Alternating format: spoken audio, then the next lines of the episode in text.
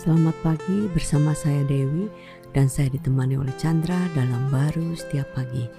Amsal 19 ayat 21. Orang mungkin mempunyai banyak pemikiran mengenai rencana Allah untuk hidupnya, tetapi hanya rancangan dan tujuannya yang akan berhasil pada akhirnya.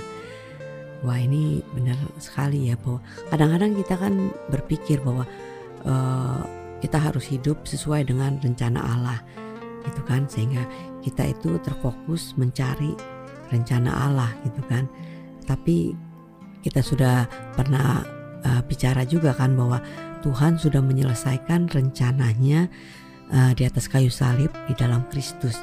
Nah yang harus kita mengerti adalah uh, kita perlu memahami bahwa uh, kalau kita mempunyai hidup Kristus kita sudah ada di dalam uh, rancangan atau rencana hidup Tuhan ya Ya sebenarnya ya eh, batasan manusia itu selalu berpikir rancangan itu sejauh apa yang harus dilakukan ya. Hmm. Tapi sebenarnya ada di dalam pribadi dia.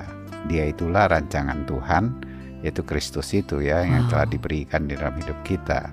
Sehingga kita mempercayai dia itu itulah sebenarnya rancangan uh, yang akhirnya yang berkuasa bekerja uh, memenuhi di dalam perjalanan hidup kita ini. Nah, walaupun ya kita secara manusia ya punya rancangan A, rancangan B, menebak sana, menebak sini, tapi hmm. didasari dari eh, tentunya percaya kita kepada pribadi Kristus yang ada di dalam hidup kita. Wow, sehingga kita tidak terlalu terfokus memikirkan uh, mengenai rencana Allah bagaimana kalau kita nggak hidup dalam rencana Allah nanti kita tidak diberkati, tidak berhasil dan sebagainya ya. Tetapi sebenarnya uh, kita perlu memahami bahwa kita sudah hidup di dalam rencana Allah ya.